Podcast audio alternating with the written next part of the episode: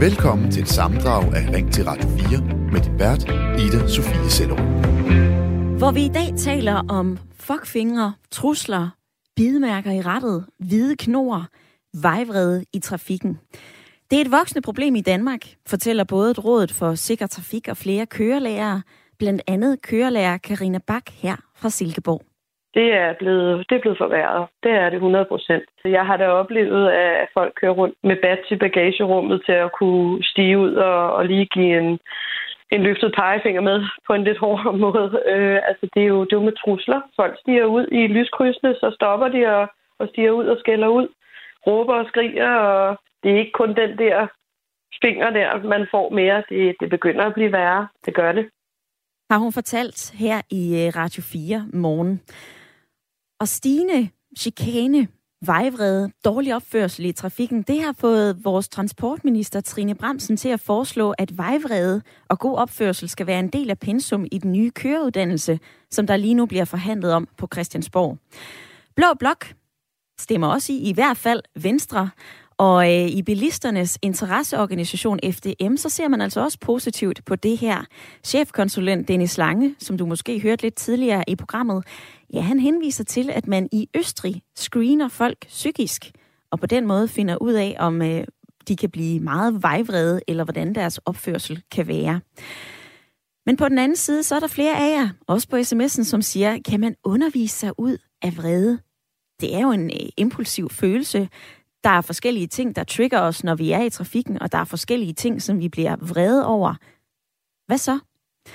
På sms'en så skriver Grete blandt andet, Hej Radio 4, jeg bliver vred, når store lastbiler kører ud i en rundkørsel, hvor jeg så kører, og jeg bliver nødt til at bremse ned. Jeg kan risikere, at en bilist er uopmærksom og kører ind i mig. Jeg har oplevet det mange gange, og så sætter jeg tudehornet i gang. Og ja, jeg er ellers en pæn ældre dame, men sådan noget, det gør mig vred. Hvad gør dig vred i trafikken? Og hvad mener du, der skal til for at gøre det til en bedre oplevelse at færdes i trafikken, uanset om du er cyklist, du er cyklist, bilist eller gående? Kan man virkelig undervise sig ud af vejvrede? Vi skal til København igen og tale med Peter. Hej med dig. Ja, hej. Peter, er det her øh, en god idé eller en dårlig idé fra transportminister Trine Bremsen? Altså, det er noget af det mest fjollede, jeg har hørt længe, men det overrasker mig på en måde. Ikke? Jeg siger, stakkels kørelærer, nu skal de også til at være psykologer. Altså, det, så skal de jo have en teoretisk overbygning på deres uddannelse, men, men jeg mener simpelthen, at, at, at, at, at det, man kalder vejvrede, det, det, det, det er generelle frustrationer, som folk har over mange ting, der foregår i samfundet.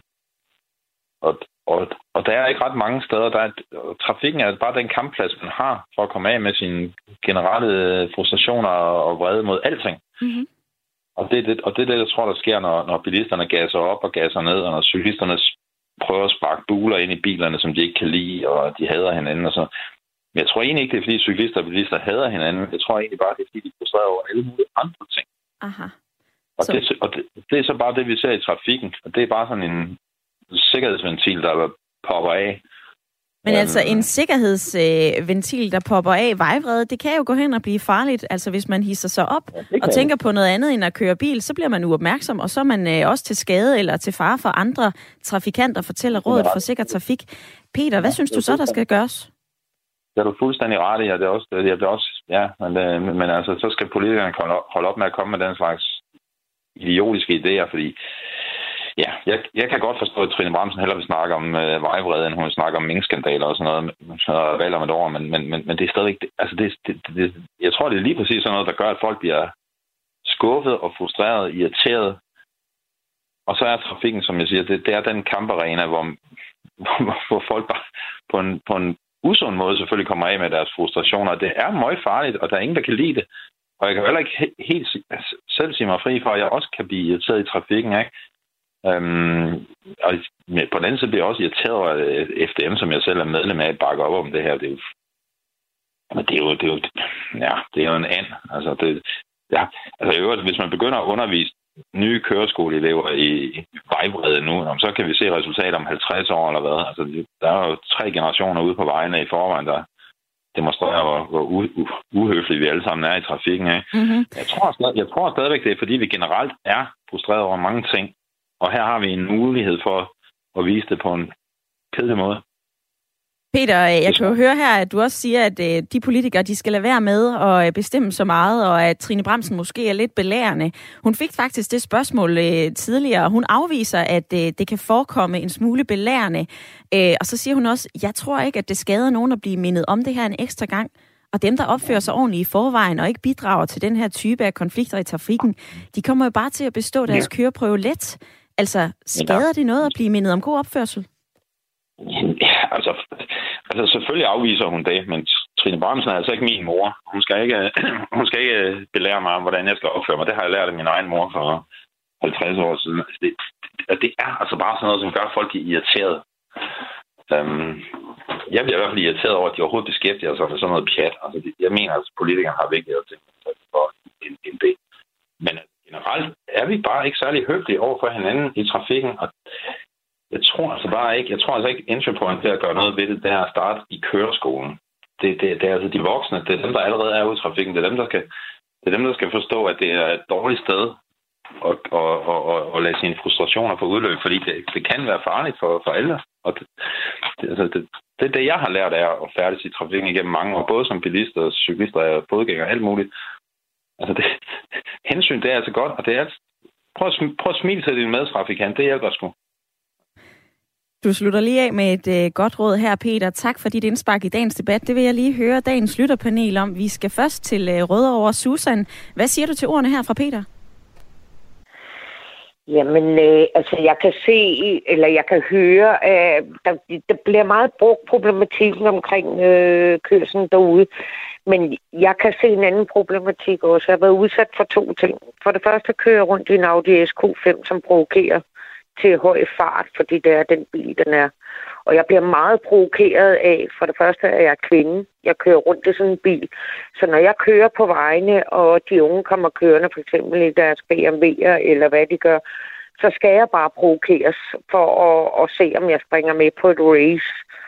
Øh, det er den ene ting. Den anden ting er, at øh, jeg har oplevet på Bornholm, at øh, vi kommer kørende i en kortage, øh, hvor øh, vi bliver jagtet af en bil, som prøver at køre os i grøften, hvor det simpelthen ren og skær er for at vise sig, og måske en form for misundelse for det køretøj, man har. Så jeg synes, at det er ikke kun kørsen. Det er også lige så meget øh, provokationerne derude. Øh, og man kan sige, at øh, vi endte på os på Harley, og vi endte øh, på en tankstation. Og desværre så var overvågningskameraet øh, hvad hedder det, gå i stykker. Men øh, jeg vil gerne indrømme, at jeg sad bagpå, og øh, lige nøjagtigt det der sådan med, at der blev snakket om baseballbat. Den person, han gik i sit bagagerum og tog et øh, baseballbat og truede os, øh, fordi øh, der selvfølgelig blev råbt til ham, om han var sindssyg. Vi var en kortage, hvad vi var en 10-12 motorcykler, hvor faktisk øh, der sad en kvinde bagpå, der var gravid og han var fuldstændig iskold mm. øh, over for os, øh, over for den måde, altså den respekt, han skulle have, så han tværtimod virkede truende. Så jeg tror, det er mange ting, der, der tæller ind der. Altså, jeg, jeg er skide træt af, fordi jeg kører en Audi, og jeg er kvinde, som nu er min firmabil, er konstant skal provokere sig de unge. Susan, øh, i begyndelsen af programmet, der synes du jo, at det her med at sætte øh, vejvrede og øh, dårlig opførsel på skemaet og være det som en del af pensum, når man skal til kørekort, at det var en god idé. Har du ændret holdning undervejs? Nej, både ja og nej. Altså, jeg synes øh, personligt, men det er min mening, øh, jeg synes, at øh, i dag får de konfiskeret bilerne, hvis de kører for hurtigt jeg mener helt klart, der skal laves noget lov om, at når, når de kører sådan, som de gør, så skal bilen konfiskeres, fordi de er bare ikke gamle nok til at sidde bag den bil. For lige at supplere til det, du siger, så øh, er der jo blevet lavet en øh, lov omkring vanvidskørsel. Den trådte i kraft den 31. marts i år. Og det betyder, at øh, hvis man kører vanvidskørsel, så kan man altså få konfiskeret sin bil. Vanvidskørsel, det er, hvis man når op over 100 km i timen, og dermed kører dobbelt så hurtigt, som der er tilladt i en øh, byzone. Vanvidskørsel er også, når man kører med en spritpromille på over 2,0. Og så er det altså også, hvis man kører over 200 km på øh, samtlige strækninger. Hvis man gør alt det, så har politiet mulighed for at øh, beslaglægge den bil, man kører i, og i april i år, der oplyste Rigspolitiet, at de altså havde konfiskeret 996 biler. Vi skal til øh, Bornholm og lige høre Ulla, som også er med i dagens lytterpanel. Ulla, bliver du klogere, som debatten skrider frem? Øhm, ja, det synes jeg, jeg bliver. Øh, for eksempel den oplysning om, at man allerede har indført det i øh, Østrig med, øh, med undervisning. Øh, øh, det var noget, jeg ikke vidste i hvert fald, og der, så synes jeg da godt, man kan tage ved lære af dem og se på deres resultater og hvordan de gør det. Øh, nødvendigvis vi behøver at gøre det på samme måde, men man kan da lære noget af dem, som er gået i forvejen. Og hvis du har lyst til at være med i dagens debat, så kan du gribe telefonen og trykke 72 30 44 44 eller sende en sms til øh, 1424. Lennart fra Bjerringbro, han skriver, på landevejene og i byerne er der ubalance mellem amatørbilisterne og dem, der konstant tænker effektivt, og det er det, der er mest årsag til vejvreden. Der er rigtig meget tjusk kørsel, der intet har at gøre med færdselssikkerhed, men vejvrede og intolerance er et symbol på den stress og effektivitet, vi alle bliver pålagt i hverdagen. Det er der, vi skal sætte ind. Så skriver Bjarne, jeg trykker på pytknappen, når jeg møder stressede bilister. Det er en usynlig knap, jeg har i bilen. Jeg kører lastbil. Min erfaring er, at alle kommer hurtigere frem ved at tage det roligt og hjælpe hinanden. Og så skriver Jens, man kan jo indføre, at klip inddragelse af kørekortet og den eksisterende straf også gælder dårlig opførsel. Vær med i debatten. Send en sms til 1424 eller ring ind på 72 30 44 44.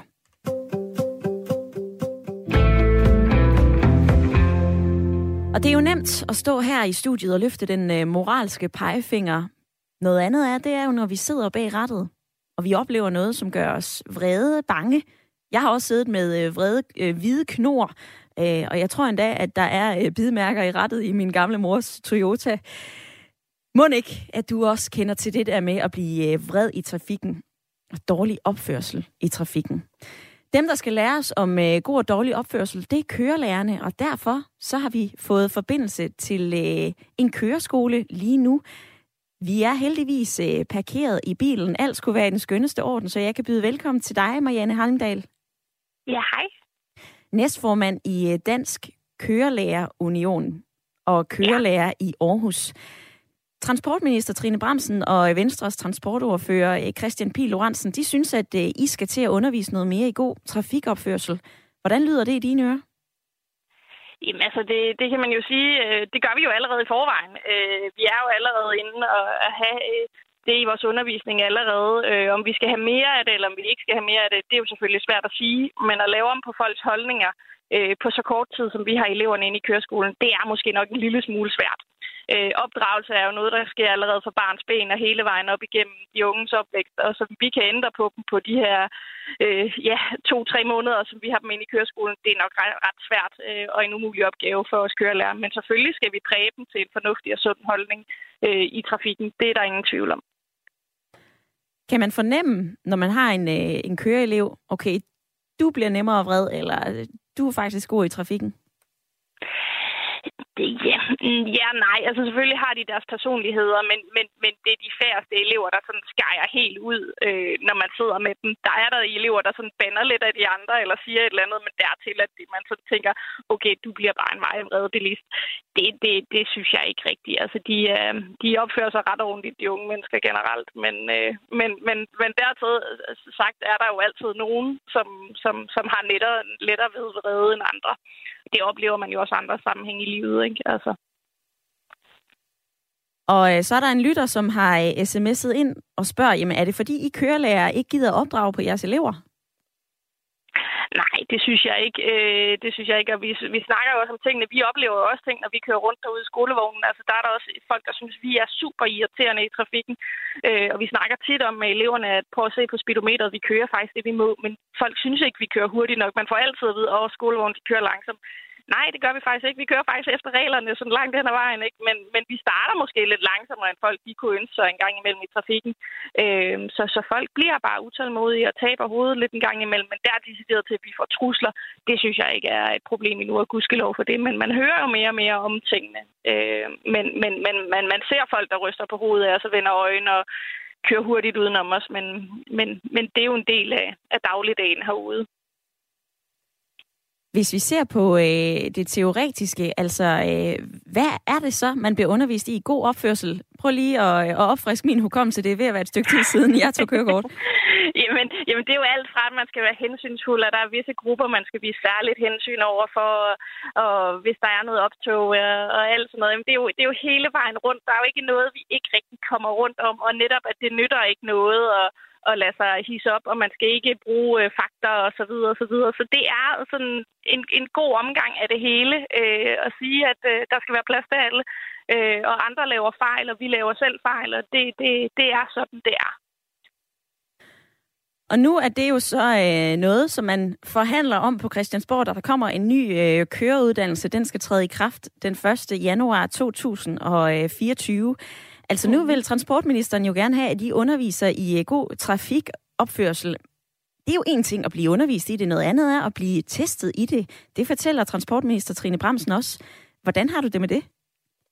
Det, det, det synes jeg er en, lyder lidt, lidt, lidt skørt øh, i den version, ikke, som, som der bliver fortalt. Ikke? Øh, der var, var andre ting, der ville være meget mere relevant øh, i forhold til det, altså grøn kørsel og alt muligt andet. Altså et spørgsmål om vejvrede. Jeg tror, de fleste mennesker vil ret hurtigt kunne sige, jamen det skal vi svare, at det må man ikke. Øh, så det, det, det er noget, der skal diskuteres øh, frem og tilbage i teorilokalerne, og være dialogbaseret undervisning i stedet. Det er ikke noget, der rigtig, synes jeg, hører hjemme i en teoriprøve.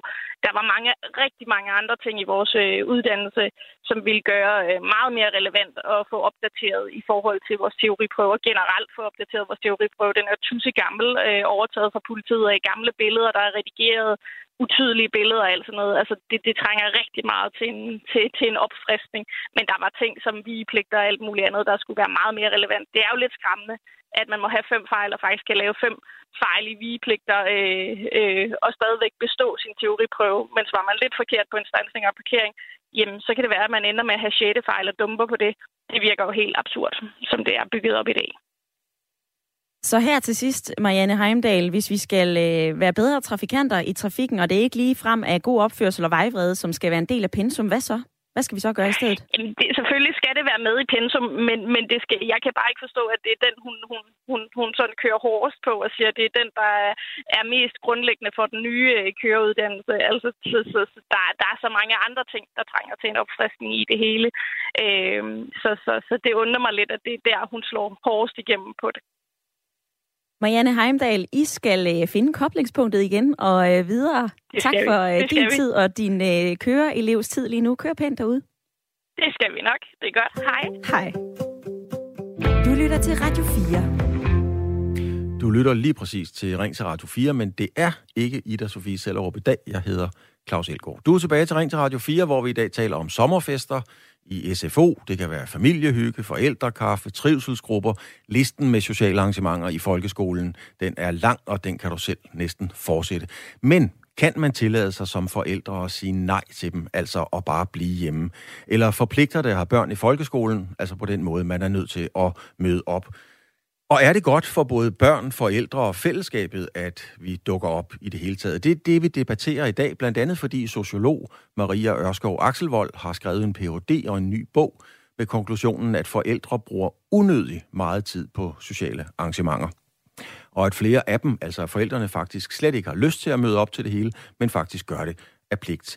Der findes ikke særlig meget forskning, der viser det ene eller andet i forhold til, hvor mange sociale arrangementer man skal deltage i. Men det kriminalpræventive råd har tidligere understreget, at det er godt øh, forældre samarbejde, og det er vigtigt, og det er vigtigt, fordi det skaber sammenhold, tillid og hjælpsomhed i og altså omkring øh, børnene. Det smitter af på børnene, når forældrene viser, at de kan lide at være sammen. Og det kan være nemmere at løse konflikter osv., hvis man som forældre i øvrigt har et godt forhold til hinanden. Der er nogen, der har skrevet ind til os på sms'en. Øh, jeg har to børn i folkeskolen. Den sidste afslutter 9. klasse. Jeg er kun med til én skole hjem samtale en gang om året, hvor det handler direkte om mit barn. Begge børn har stort set nul fravær og ingen problemer socialt eller akademisk. Jeg har, jeg har mine børn... Øh, øh, øh, øh, øh, jeg har, mine børn har ikke noget behov for at kende de andre forældre, og det har jeg heller ikke. Det er det, der skal stå. Og Daniel har også skrevet ind til os. Jeg er frygtelig introvert finder også disse forældre tvangssocialiseringsarrangementer forfærdelige, men har en idé om, at alle kan være venner. Man skal respektere hinanden, man kan forvente, at alle kan sammen. Øh, det er utopi at forvente det. Vores datter var også i tvungen legegruppe. Det var frygteligt. De skændtes og hyggede sig slet ikke. Man skal selv vælge sine venner. Esben, øh, forfærdeligt, og det er jo et, øh, et, et voldsomt ord i forhold til, hvordan uh, ungerne har oplevet det her. Hvordan, uh, hvordan føler du, at, uh, at dine børn oplever uh, din tilstedeværelse, eller manglende tilstedeværelse? Øh, jeg tror, at øh, de tænker måske ikke så meget på, om jeg er der. Altså, nogle gange så er det, så er det primært, fordi jeg har en, øh, en mobiltelefon, der kan noget mobile pay, så de kan købe, købe en fransk hotdog. Og det synes jeg er fint, at det er sådan, fordi det handler om, at de, øh, at de leger med de andre børn, som også er til stede uden for de normale rammer. Øh, men de er super glade for, når de skal vise noget, at jeg kommer, og det prøver selvfølgelig også at, at prioritere. Det er klart. Men, men en mobile pay og en fransk hotdog, er det, er det godt nok? altså, nej, men, det, men det, er jo, det er jo et udtryk for, at jeg, at jeg er til stede, og jeg er der, og jeg er tilgængelig, og jeg oplever den verden og den hverdag, de, de indtræder i at tale med de andre forældre. Jeg siger bare, at børnene er jo ikke, altså deres trivsel er jo ikke nødvendigvis afhængig af, at jeg er lige ved siden af dem. De, den er afhængig af, at jeg involverer mig og ved, hvad der foregår, og har et, en relation til, til det sted, de opholder sig rigtig, rigtig mange øh, timer. Og så bliver det jo bare helt konkret sådan en aften der, at altså, øh, nu nævnte jeg tidligere den fest, der var i sidste uge. Altså, jeg tror måske, jeg havde interaktioner med mine egne børn i i en halv time ud af de tre timer, vi var der. Ikke? Og det er jo sådan, det skal være. Altså, de hygger sig godt. De hygger sig godt, det er dejligt at høre. Vi skal lige høre fra en øh, lytter, og det er ikke bare én lytter, det er Kirsten. Kirsten er 41, hun er fra Tisted, mor til fem drenge, deltager i alt. Øh, Kirsten, fem drenge, 41, du deltager i alt. Det er godt nok meget. Øh, er det fordi, du prioriterer det som det første, eller fordi du føler dig tvunget til det? Øh, jeg prioriterer det, men jeg tror ikke, du har fået det hele med. Jeg skriver, jeg deltager i alt, jeg har mulighed for. Ja, alt du har mulighed for, ja. Ja, ja jeg, jeg føler mig bestemt ikke tvunget. Nej. Så du, jeg ser det som en, uh, som en, en mulighed. Og som jeg skrev, så har jeg selv været med i de der forældreråd, hvor vi har været med til at arrangere det. Altså, jeg, jeg har fem. Den, den ældste er 20, så de er ikke i folkeskole mere. Det har været sådan løbende. Men jeg synes, men vores ambitionsniveau har heller ikke været så, så højt her i Nordjylland, som jeg kan høre, det er nogle steder andre steder. Hvad, hvad, hvad mener du med ambitionsniveauet? Hvad, Kirsten, hvad Jamen, mener du med ambitionsniveauet? Hvis man skal rende til arrangementer hver måned i hver klasse, det, det vil, så tror jeg også, jeg vil blive træt af det til sidst.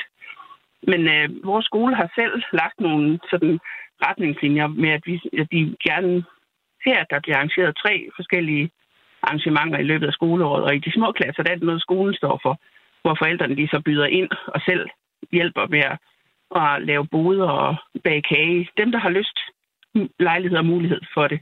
Hvad, hvad, er det for, hvad, hvad, er Kirsten, hvad er det for en type eller slags arrangementer, som, øh, som du vælger at prioritere? Jamen, øh, det er, når vi har haft fællesspisning og sådan noget, hvor, hvor, man tager, hvor hver familie tager en ret med til sig selv plus en.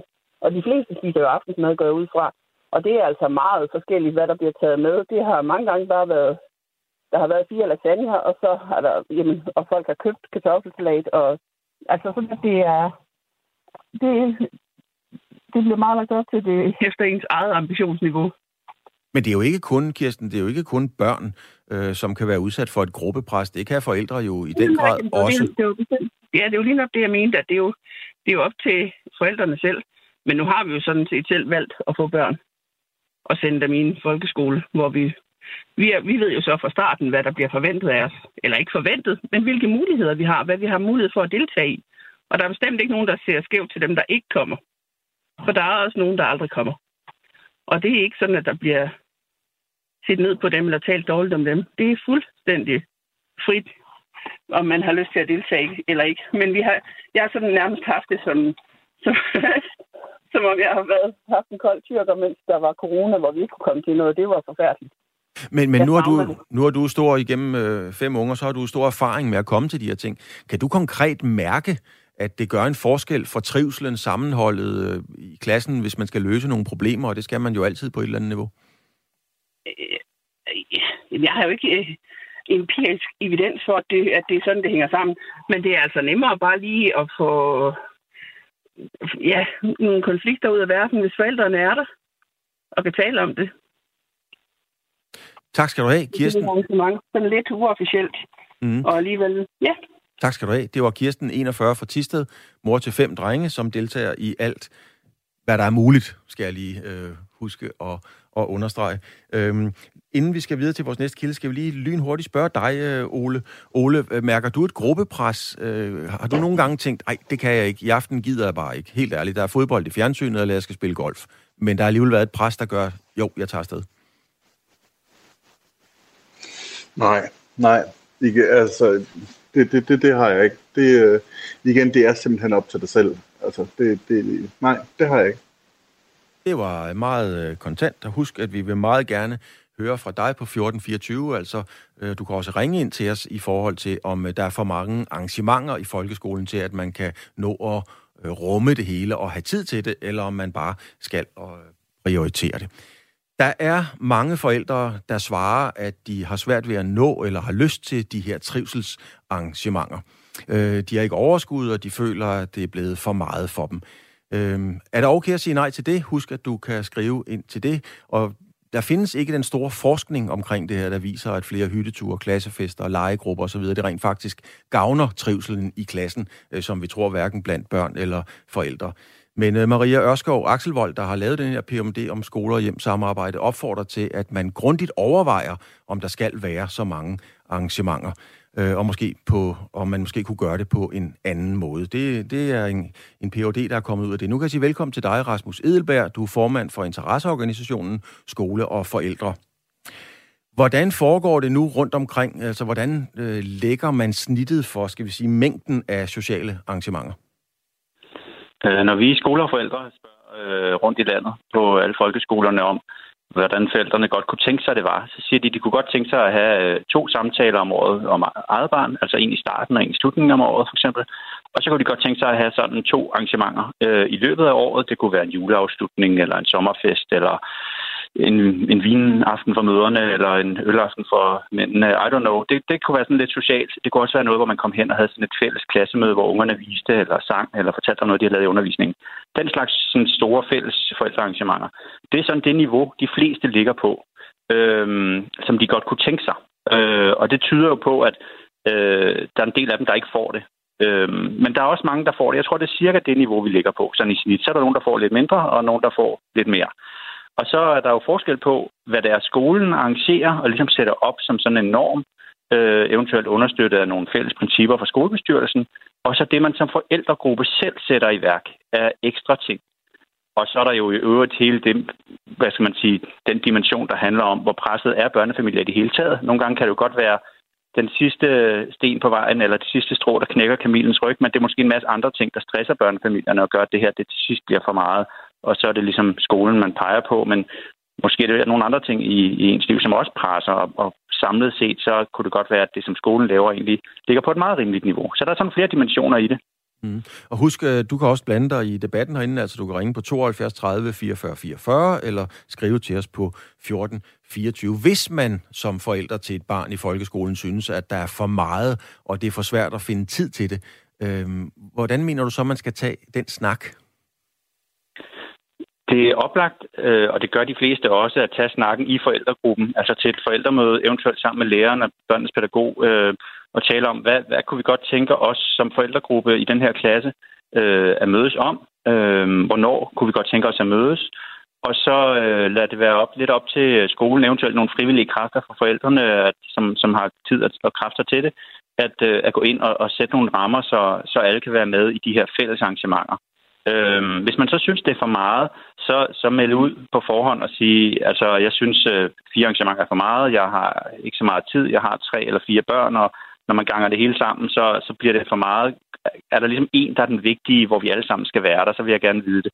Og det tror jeg, der er nogen, der, der med fordel kan melde ud, fordi det er også noget, skolerne skal være bevidste om, og dem, der arrangerer, som er meget aktive, at de lige er bevidste om at lægge niveauet et sted, så det passer til formålet. For hvis formålet er at, at styrke hele forældregruppen hele vejen rundt, så skal det jo helst lægges på et niveau, hvor alle kan være med. Hvis formålet er, at, at de fire fædre, der godt kan lide at løbe Ironman, gør det, øh, så skal de jo have lov til det. Men det er nødvendigvis, ikke nødvendigvis sådan, at, at så alle behøver at løbe med hver gang. Og, og der tror jeg bare, man skal, man skal skælne, øh, differentiere lidt øh, i forhold til det, det fælles formål. Øh, og hvis man synes, det er for meget, så meld ud i forældregruppen. Og, og eventuelt engagere dig i skolebestyrelsen, hvis du synes sådan i det hele taget, at skolen burde gøre noget mere eller den gør for meget, så meld dig ind, fordi det er den bedste måde at styrke fællesskabet på, øh, det er ved at engagere sig. Engagere sig, du siger, at man skal også differentiere det osv. Men, men jeg står der og tænker på, hvis i din optik, hvem har egentlig ansvaret for, at det her det bliver doseret rigtigt, og det bliver arrangeret rigtigt osv.? Altså er det skolebestyrelsen, er det forældrene i klassen, er det skolens ledelse? Altså hvem er det egentlig, der skal stikke nogle rammer ud for, hvordan man griber det her ind? Ja, der, der er øh, flere øh, parter i spil her, som du siger, ikke? Og i skoleforældre, der lægger vi op til, at, at skolebestyrelsen laver de, de fælles rammer. Det er dem, der er ansvarlige for hvad skal man sige, skolens værdigrundlag og de fælles principper. Øh, men det kan jo godt være på et meget overordnet niveau. For eksempel, at skolen tilstræber at afholde to årlige arrangementer for hver klasse. Men så er det jo op til øh, øh klassens øh, lærer, vil det typisk være pædagoger, at tage initiativ til de her arrangementer. Øh, så de står også med et, et ansvar i forhold til at udføre det. Øh, og så er det i høj grad også op til, øh, til skolens øh, forældre, altså forældrene i klassen, øh, at finde ud af, jamen, hvordan gør vi så? Hvad kunne vi godt tænke os at melde sig på banen øh, og få sat niveauet, så det, så det er passende. Så vi kommer ikke udenom, at vi alle sammen har en rolle at spille, øh, men på forskellige måder. Du er så formand for, for skoler for, og, og forældre. Hvad, hvad vil du gøre aktivt øh, som, som formand Øh, for, at det her ikke tager overhånd? Altså, øh, vil du gå ind og, akt, og, og blande dig aktivt i den debat? Ja, det vil jeg. Det gør jeg jo allerede, kan man sige, ved at ringe op her. Øhm, men, men også ved at fortsætte at have dialog med, også med, med forskning. Altså Marias forskning har vi jo kendt til i mange år. Vi har også haft hende med ude på vores landsmøde, hvor alle landets skolebestyrelser, øh, deres repræsentanter mødes en gang om året. Øh, og vi, vi bruger aktivt den viden, som hun kommer med, og andre forskere, øh, til at tilrettelægge de kurser, vi laver for skolebestyrelserne. Og det kan jo også være et kursus for skolebestyrelser og kontaktforældre, sådan så at den hele forældregruppen ligesom er repræsenteret, og hvordan arbejder vi med fællesskab i klasserne på en inkluderende måde, på en god måde, på en aktiv måde. Øh, hvordan kommunikerer vi sådan, så forventningerne er nogenlunde afstand med hinanden? Hvordan bruger vi hinanden øh, sådan smart? Og, øh, og det, det er noget, vi holder kurser i, og det er noget, vi i skoler og forældre øh, aktivt vil gå ud med, øh, at komme ud med det budskab, at øh, det vil vi gerne bidrage med ude på alle landets skoler. Øh, og så vil vi desuden bruge den viden, der er, og så vil vi lytte til forældrene i forhold til, hvad de har behov for og brug for, og hvad de synes, der virker. Tak skal du have, Rasmus Edelberg. Du er formand for skole og forældre.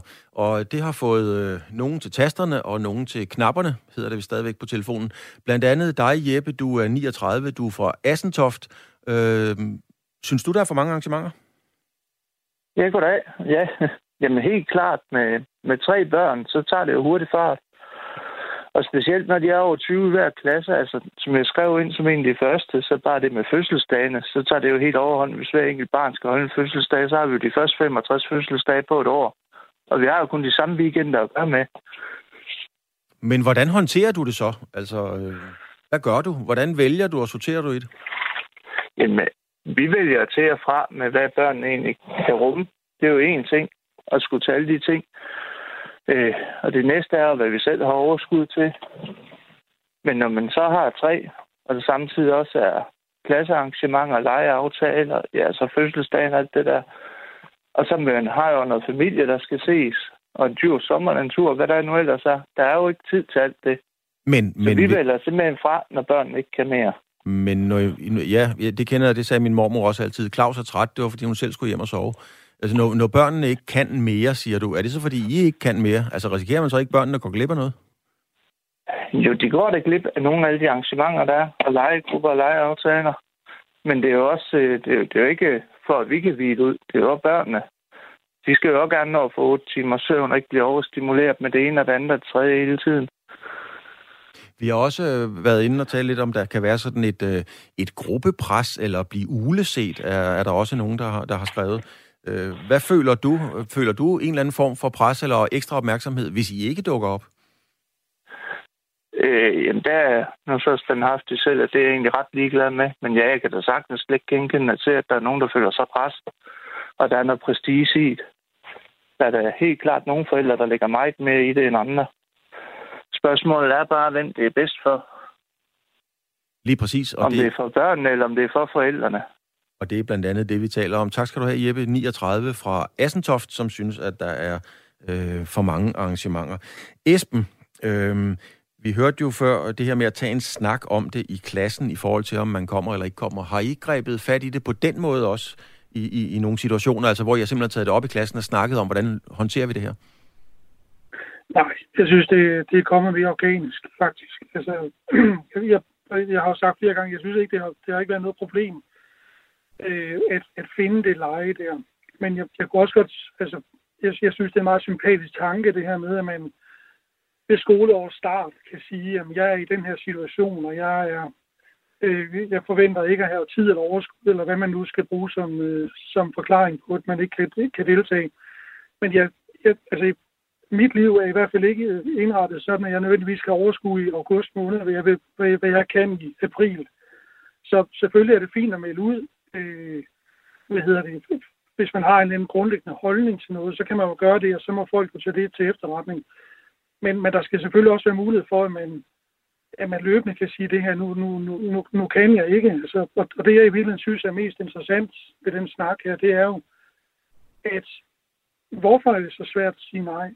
Altså, hvem er det, der opstiller de her krav eller kriterier? Hvor kommer de fra? Altså, øh, øh, og du har også snakket lidt om det med gruppepres, eller flere har, flere har sagt det, ikke? Og, og det, det, det kan jeg sådan set godt uh, se, at der kan være elementer af, men jeg tror også tit, at ofte det handler om, at, man, at der er nogle ildsjæle, jeg tror også, det er Ole, der var inde på det, ikke? at der er nogle ildsjæle, som på en eller anden måde rigtig gerne vil noget, og det kan også være, at de kender hinanden godt, og de synes, det er super fedt, at børnene leger sammen, og, og så kan det jo godt få sådan et element af, nu har vi altså lejet det her festlokale, og hvis vi skal have noget ordentligt mad, så skal vi også være ude i god tid, og nu må, vi, nu må I lige melde tilbage, og prøv nu lige sådan og sådan, ikke? og det kan da godt få elementer af sådan en, et, et, en form for gruppepres. Mm. Men, men der skal selvfølgelig være mulighed for, at man siger nej, og det kan jeg ikke. Uh, tak skal du have, Esben. Esben, du bliver hængende, og vi vender tilbage uh, til panelet og til dig, Ole, lige om lidt. Vi skal lige have en, en uh, sms, der er kommet fra Kasper Brink, som er far til tre. Den er lidt lang, men den lyder sådan her. Vi skal passe på med at afmontere værdien af godt samarbejde, som Søren Espersen siger. Så må man selv bestemme, om man kommer til en fest, men det betyder altså ikke, at vi skal stoppe med at holde fester. Jeg har selv oplevet, hvordan et godt forældresamarbejde førte til en konfliktløsning, selvom der på Aula var optræk til optrapning. Men jeg greb knoglen, fordi jeg havde en relation til den anden forældre og fik talt tingene igennem. Simpelthen fordi vi havde mødt hinanden til forældrekaffe. Forskeren nævnte, at der var sammenhæng mellem de børn, der står uden for fællesskabet, og deres forældre ikke deltager i sociale arrangementer. Det viser for mig tydeligt, at sociale arrangementer er vigtige, og disse forældre øh, bør måske tvinges en gang imellem. Øh, med venlig hilsen, og tak for et godt program, Kasper Brink, altså øh, far til tre. Du lytter til Radio 4, hvor vi har fuld gang i en øh, debat om de her basser.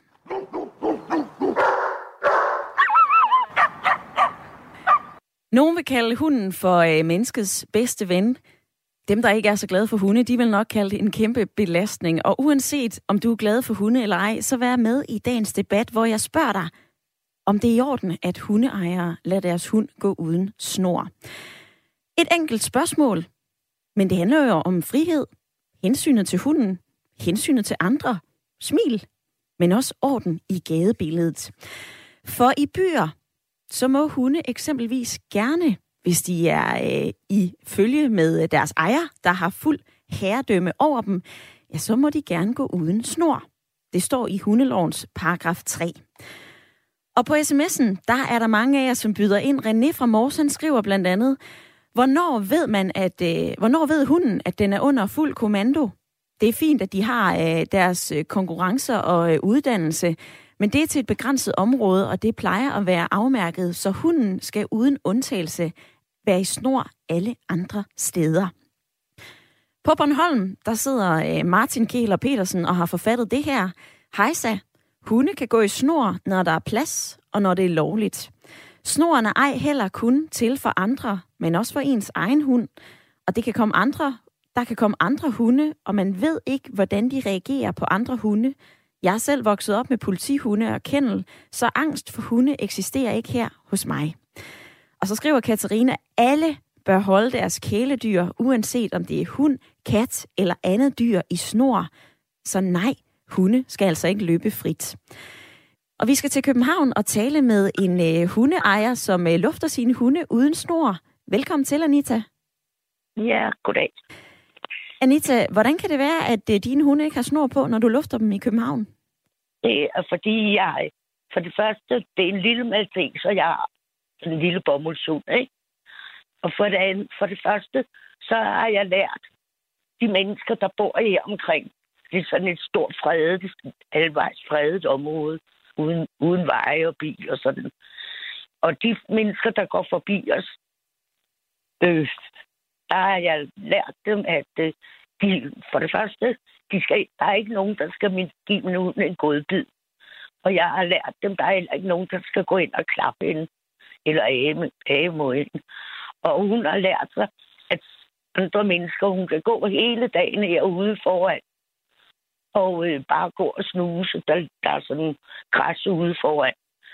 Og øh, hun går og passer sig selv, og der er ikke nogen, hun går ikke hen til nogen, og der er heller ikke nogen, der giver en god bid, og det holder jeg selvfølgelig øje med. Anita, hvad hvis nu der er, der er nogen, der er bange for din hund, og den ikke har snor på? Det er der nogen, der er, men hun går aldrig nogensinde ind til nogen. Det har hun lært. Hun går ikke ind til nogen fremmede mennesker, når, kun når vi er hjemme. Mm-hmm. Når der er gæster, når vi selv er gæster. Mm-hmm. Udenfor går hun aldrig ind til nogen. Hun, det var, og, og kommer der nogen, og, og der er nogen, der sådan løber efter hende og vagen. Det er der mange børn, der gør. Og så bliver hun selvfølgelig, det, kan, det, det er hun ikke vant til. Og så, hvis hun så står og standser op, og de begynder at vægen, så siger jeg bare nej, Asta, og så løber hun videre. Men Anita, en del af den debat, vi har i dag, det handler jo også om øh, hensynet til andre mennesker. Altså, hvorfor ikke bare putte en øh, snor på din vorse, hvis du ved, okay, der kan være en risiko for, at jeg møder nogen, som er bange for hunde her? Jamen, hun løber i stor bue udenom, når hun ser børn. Fordi hun kan simpelthen ikke lide, eller hun er så vant til, at de ikke skal røre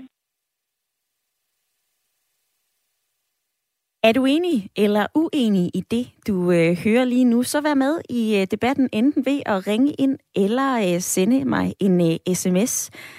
Jakob i øh, lytterpanelet, hvad siger du til øh, ordene her fra Anita? Ja.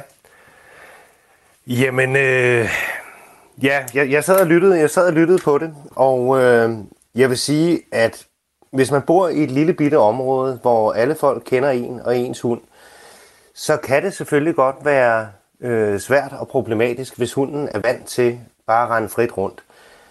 Men, øh, men jeg tænker, at, at der må altså desværre stadigvæk være øh, nogle regler. Og nu hører jeg også, at Anita siger, at, øh, at lille Asta bliver lidt øh, nervøs og kan blive lidt, øh, lidt bange, hvis, hvis der er nogle børn, der kommer hen til hende og, og gerne vil klappe. Ja. Øh, så tænker jeg måske, at øh, Asta ville have det bedre ved at være inde i haven hvor bag en øh, låge, hvor hun måske følte sig tryg, og ikke blev udsat for, at der var nogen, der kom, øh, kom hen og ville klappe hende. Så der, der tænker jeg måske mest på, på hundens øh, ved og vel. Ja. Men som Anita, hun også siger her, jamen, hvis der kommer nogen, som måske er bange for hunden, min hund går jo ikke over til dem. Det er jo også det, som, øh, som flere andre hundeejere byder ind med. Altså, øh, hvis jeg har styr på min hund, og ja. den ikke går over til de andre, hvad er problemet så? Ja, det er jo netop derfor, vi har den her debat. Fordi det er, det er, et, øh, det er et svært emne, og der er mange argumenter for og imod. Men øh, jeg, jeg tænker, hvis, hvis jeg havde en hund, som ikke var interesseret i at blive klappet af børn, der kom forbi, så tror jeg, at jeg ville øh, sørge for at holde hunden inde i haven. Fordi, for at skåne hunden for, for den oplevelse.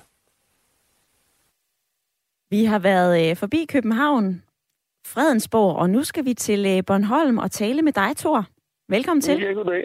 Jo, tak. Ja. Øh, du har ringet ind. Hvorfor har du det? Jamen, det er fordi, jeg synes, at det der med, om man skal bestemme, om hunde skal være i snor eller ej, er blevet til sådan en, en del af den der samfundssygdom, som siger, at staten skal regulere alting.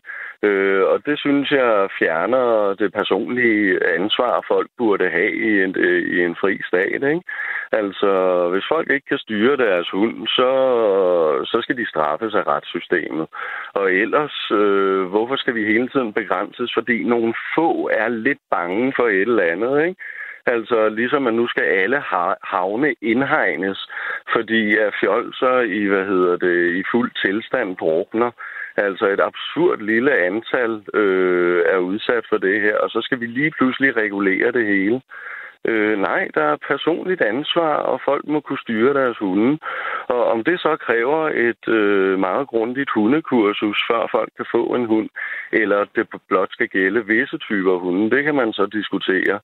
Men det må være individuelt, om, om, om folk øh, skal gå med hunden i snor eller ej.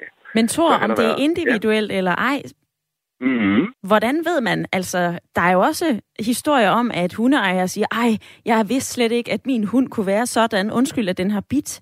Altså, hvis vi lader det være op til folk selv, er der så ikke en risiko for, at det her det går galt? Jo, men øh, hvor stor er risikoen? Hvad er tallene? Altså, jeg tror, at det er forsvindende små tal, at man så farer i flint over, ikke?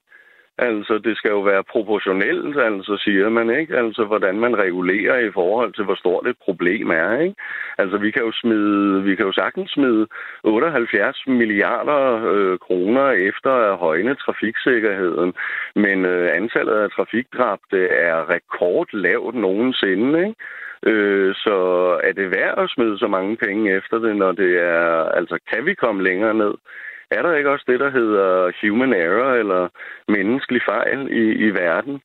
Øhm, vi kan ikke fjerne alt, og, og folk behøver ikke at være bange for alt. Og hvis der er en forsvindende højtråbende gruppe, som er bange for alt, ja, måske skulle de tage noget terapi, eller måske øh, få et øh, affobiliseringskursus i stedet. I stedet for at påtvinge alle de her øh, kontroller på alle os andre, som sagtens kan manøvrere i verden. Argumenterne fra 39-årige Thor på Bornholm, det vil jeg lige tage med videre til øh, Morten i lytterpanelet. Altså et personligt ansvar. Hvad blev der af det? Jamen altså, jeg synes jo et eller andet sted også, at Thor han har fuldstændig ret. Hvor stor er problemet? Og, øh, men i, i, igen, øh, så synes jeg, at man skal kunne gå frit. Problemet i dag er jo måske, at vi gør befolkningen dummere og dummere, og, og, og i dag så, så har vi ikke det der, som to også nævner med, at en sund fornuft og kan manøvrere i verden. Øh, I dag der står folket med paragraferne og siger, at det her det har jeg ret til, og det her det har jeg pligt til, og det her det må jeg godt. Og, og, og det er jo blevet sådan en, jamen, en amerikanisering, og det synes jeg også er synd. Så der synes jeg egentlig, at Thor har en, en fed pointe at hvis vi kunne komme ind, hvor folk de tog ansvar for deres eget liv, i stedet for at opholde sig til, eller forholde sig til en eller anden paragraf, så tror jeg ikke, der var noget problem i virkeligheden. Det er jo svært at sige, om øh, vi når derhen. Vi når i hvert fald vidt omkring i dagens debat, og jeg kan love jer for, at øh, sms'en den er rødglødende. MT har skrevet, hvis din hund ikke er i en hundegård, så få den i snor. Det er et dyr, og uanset hvor meget du stoler på din lille baby, så er det altså stadig et dyr med tænder, og de kan flippe på mennesker. Og ikke at tage ansvar for dit dyr, det er egoistisk. Gitte Nielsen fra Hobro har skrevet, når man går tur med sin hund, så bør den være i snor. En hundeejer har aldrig 100% kontrol. Jeg plejede at gå en kort tur med min kat på vores sti uden snor, og en dag så kom der en stor labrador pludselig farende og jagtede hende. Ejeren stod bare og kiggede og sagde så nærmest stolt, ja, men han kan jo ikke lide katte. Jeg var totalt målløs. Og heldigvis så slap min kat væk uden men. Men nu tør hun altså slet ikke at gå væk fra huset. Og så skriver Torben, alle hundeejere siger, at de har styr på deres hund. Lige præcis deres er jo noget særligt, men der findes ingen hundeejere, der ikke kender reglerne, inden de køber en hund, så det er altså bare med at få sin hund i snor. Lytter du med, så vær endelig med i dagens debat, hvor vi taler om hunde, der skal i snor, eller skal de have lov til at gå frit? Er det i orden, at hunde kan få lov til at gå uden snor, for eksempel inde i byen eller i boligområder, hvis de er sammen med en øh, ejer, som har fuldt herredømme over den. Det er det, der står i paragraf 3 i hundeloven, og jeg vil rigtig gerne have dig med, uanset om du er hund eller ej. Så grib telefonen, ring ind på 72 30 44 44, eller send din mening afsted på en sms. Send den til 1424.